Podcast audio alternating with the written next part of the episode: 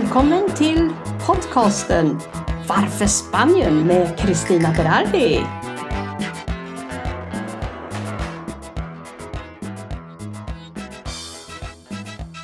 Ja, då är vi tillbaka igen och eh, jag kan börja med vädret idag igen. Vilken överraskning för er då. Jo, det var nämligen så att i lördags då blev det enormt varmt. Det var så här tryckande varmt. Man tänker nu, nu är det någonting på gång. Och vad är det på gång? Jo, ett oväder. Det kommer in regn klockan sex på kvällen till klockan åtta. Kom det några regnskurar med sån här uppfriskande regn. Ni vet, man känner åh vad skönt, rent blev det också. Och då sjönk temperaturen från 35 grader till 23. Och då tyckte man det var kallt. Därefter har ju vädret bjudit på lite vindar som vi inte haft förut. Så på kvällen när klockan börjar bli 10-11, vi har 24-25 grader, då tycker jag det är kallt. Oavsett ska vi inte klaga. Idag på morgonen igen, klockan 9 var det 27 grader när jag gick ut till bilen.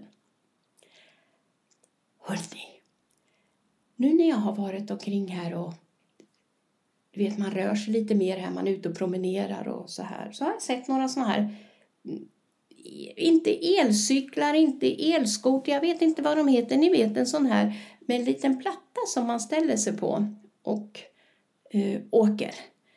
De finns lite överallt och de ser ju allihopa likadana ut och jag har undrat vad är det här? Så jag var lite nyfiken och gick fram och tittade på en sån här.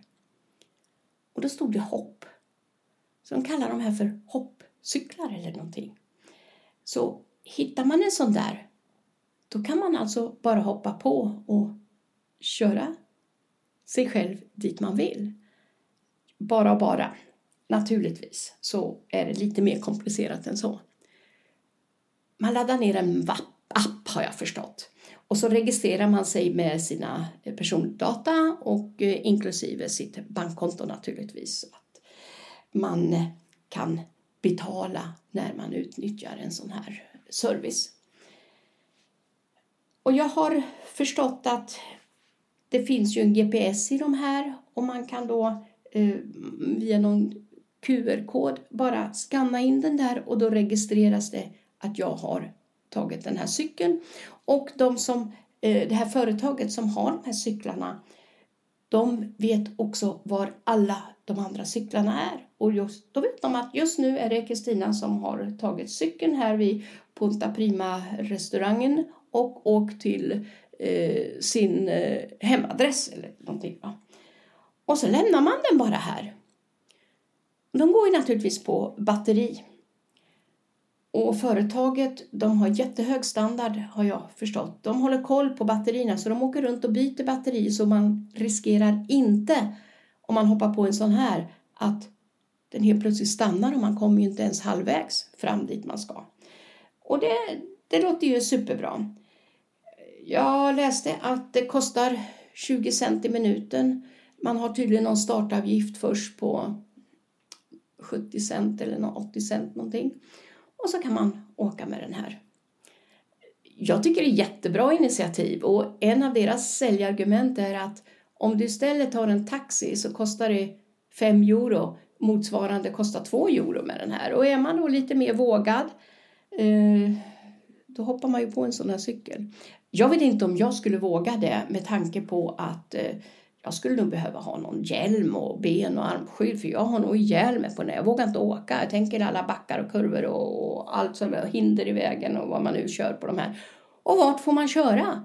Får man köra på trottoaren eller gatan eller båda delarna? Det har jag ingen aning om för jag ser dem lite överallt. De kör lite hipp som hopp här.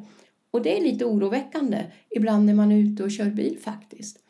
Eh, men jag lär väl ta reda på lite mer eh, om hur det här ska fungera. Men mycket bra initiativ. Ibland vissa dagar ser de massor av sådana här cyklar och ibland ser jag inte en enda. Nu tänker jag byta ämne. Det har väl inte undgått någon av oss att hört talas om pilgrimspromenader, pilgrimsfärder. I Spanien finns det en känd och den heter Jakobsleden. Och det är många som går den här leden. Totalt är den 1600 kilometer. Och det går man ju inte på en dag direkt. Det finns många olika platser som man kan starta den här leden. Från början vad jag förstod så var den i Frankrike. Den var på en plats som heter Saint-Jean-Pieds-du-Pont. Och det var faktiskt eh, en fransman tror jag det var, det var en biskop eh, av Le Puy år 950. Det var Gottschalk. Han gick den här vägen från Saint-Jean-Pieds-du-Pont till Santiago de Compostela i Spanien.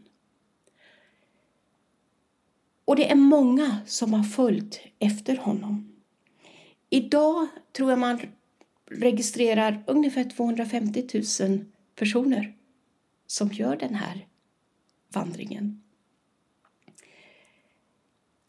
Och varför gör man den här promenaden, långa promenaden?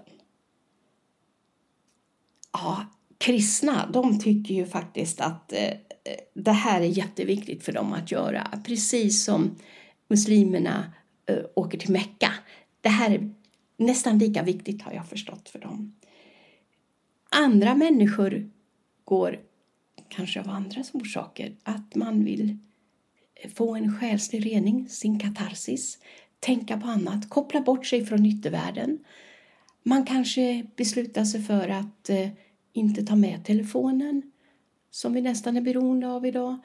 Man går själv eller man går med någon nära vän eller man går i grupp. Varje sån här led är ungefär 80 mil. Så då kan man säga att det är två sådana här stora leder och båda två, de här lederna, är ett världsarv på Unescos världsarvslista. Intressant att veta. En sån här sträcka på 80 mil, alltså 800 kilometer, det räknar de med att det tar fem veckor att gå. När man registrerar sig så får man ett pilgrimskort som man har med sig hela tiden under sin vandring. Och den ger en tillträde till att bo på de här härbergena som finns utefter leden. Och så får man äta pilgrimsmenyer. Och för varje sån här härberge man kommer eller station så får man en stämpel i det här eh, passet eller intyget som man har. Eh, när man är klar, när man har nått fram till Santiago de Compostela, då får man ett diplom. Och eh, då, då kan man ju rama in det senare, eller hur? Jag vet nu inte om man får ett diplom om man endast går den sista hundra eh, kilometrarna eller eh, vad det nu är. Jag har ingen aning om man måste gå hela. Och vad är hela? Eftersom man kan starta på olika platser.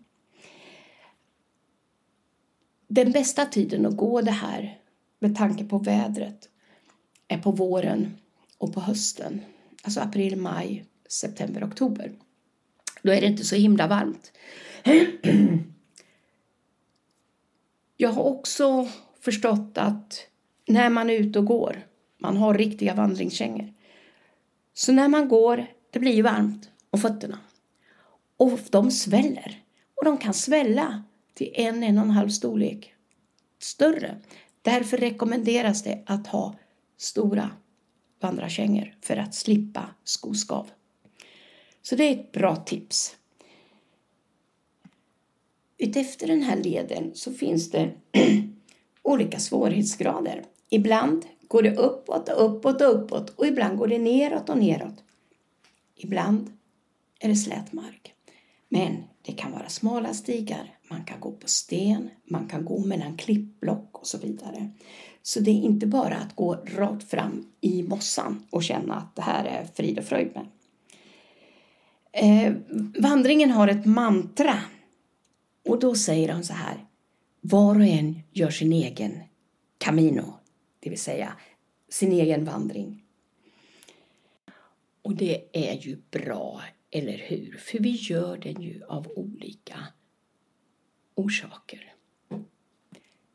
En sak som är väldigt signifikant för den här vandringsleden det är att det finns skyltar eller ikoner av snäckskal eller musselskal efter vägen så man vet att man verkligen går och följer den här Jakobsleden. Många går med stavar, en stav eller två. Man har ryggsäck med sig, så man ska tänka på packningen, att inte ha för mycket packning. För det är ganska ansträngande eh, för benen, för kroppen, för ryggen. Varför? Varför heter den här Jakobsleden? Varför finns den? Vad, vad, vad är det för någonting? Jo, det var nämligen så att aposteln Jakob som dog 41, år 41 efter Kristus födelse. Han fraktades på något sätt, man vet inte hur, till Santiago de Compostela och lades i ett relikskrin i katedralen. Därav namnet. Så aposteln Jakob heter i Spanien Santiago och är Spaniens skyddshelgon sedan dess. Då fick vi lära oss lite grann historien bakom den här Jakobsleden och varför så många har följt eh, biskop Gottschalk i denna vandring till Santiago de Compostela och katedralen där aposteln Jakob ligger. Ja, vad händer annars här i Spanien? Livet går vidare. Vi har våra munskydd på som jag har sagt tidigare. Men det har hänt en sak här hemma hos mig. Jag är inte så intresserad av att städa, men jag vill ju ha rent och snyggt. Och nu har jag äntligen köpt robotdammsugare. Han både dammsuger och torkar golvet och fungerar alldeles utmärkt. Den här kan ju programmeras så att han går vissa dagar och vissa tider och städar, men jag föredrar att göra det här manuellt. Det vill säga, när jag tycker att nu är det dags att dammsuga, då trycker jag på en knapp eller jag startar honom med fjärrkontrollen. Att jag inte vill programmera det här, för jag märkte när jag körde den här testrundan att eh, han krånglade in sig i en gardin. Jag måste lyfta upp gardinerna för de ligger lite grann på golvet här. Och han går på mattorna och dammsuger dem och det fungerar alldeles utmärkt. Det finns alltså en liten vattentank så han torkar golvet också och det kan jag tala om, med bara vatten så blev alla mina fläckar på golvet, de försvann. Det blev jätterent. Jag är faktiskt väldigt imponerad av denna teknikutveckling. Kan man tycka kanske att det är löjligt att ha en sån här. Men jag tänker så här. Det räcker att jag går och dammar. Jag har en dammvippa och ser till att det är rent och snyggt. Får ner alltihopa, gör man innan. Och speglarna, toaletterna, eh, arbetsbänkarna och så här i köket. Då tar man dem. Då fixar den här roboten golvet. Det är ju fantastiskt! Det fanns många reservdelar med till den här så att man kan byta sån här torkduk så man kan tvätta den ena så använder man den andra. Och jag måste säga, jag trodde inte att det skulle bli så snyggt med den här. Man får vara lite uppmärksam på kanterna mellan mattan och eh, golv, golvet. Där kan det vara lite svårt att få in alltihopa men de flesta mattorna har jag plockat bort för de ska ju ändå ut och skakas och det är en av anledningarna till att jag inte vill programmera utan jag vill planera när jag gör den här. Har ni inte haft en sån här så kan jag rekommendera prova en sån. Det började faktiskt med att jag tyckte man ska torka golvet. Och ni vet när man står och torkar golvet och jag har de här eh, arbetsredskapen. Det blir blött naturligtvis och sen måste jag gå efter och försöka torka bort den värsta vätan för att man ska gå in snabbt och inte få en massa fotmärken på, på golvet. Och då tänkte jag köper en skurmaskin och det gjorde jag. Jag köpte en Kärcher skurmaskin. Den kostar nästan dubbelt så mycket som en av de här robotarna.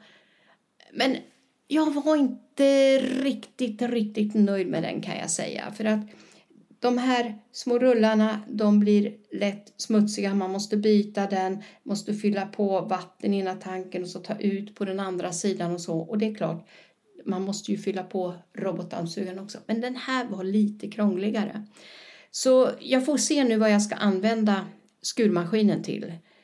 Jag provade utomhus, då blev de ju smutsiga på en gång. Jag har inte provat inomhus faktiskt med den. Så skurmaskinen får stå här ett tag och vänta tills eh, jag beslutar mig för någonting annat, vad ska jag säga. Mycket, mycket intressant med den här roboten. Eh, eh, jag är så nöjd med den. Och då tänker jag ju osökt på all den här hjälpen som vi idag har i hemmet. Vi har förutom diskmaskiner, tvättmaskiner, vi har ju dammsugare eller robotdammsugare. Intelligenta kylskåp pratar de om som då ska kunna ge en inköpslista till mig eller till affären direkt om vad som saknas i kylskåpet.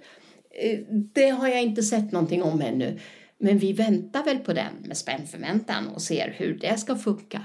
Allt för att underlätta för oss. Och då är frågan, blir det lättare för oss?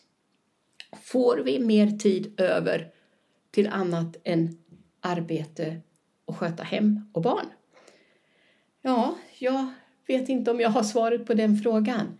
Men jag hoppas och tror att det här ska vara någonting för alla i framtiden.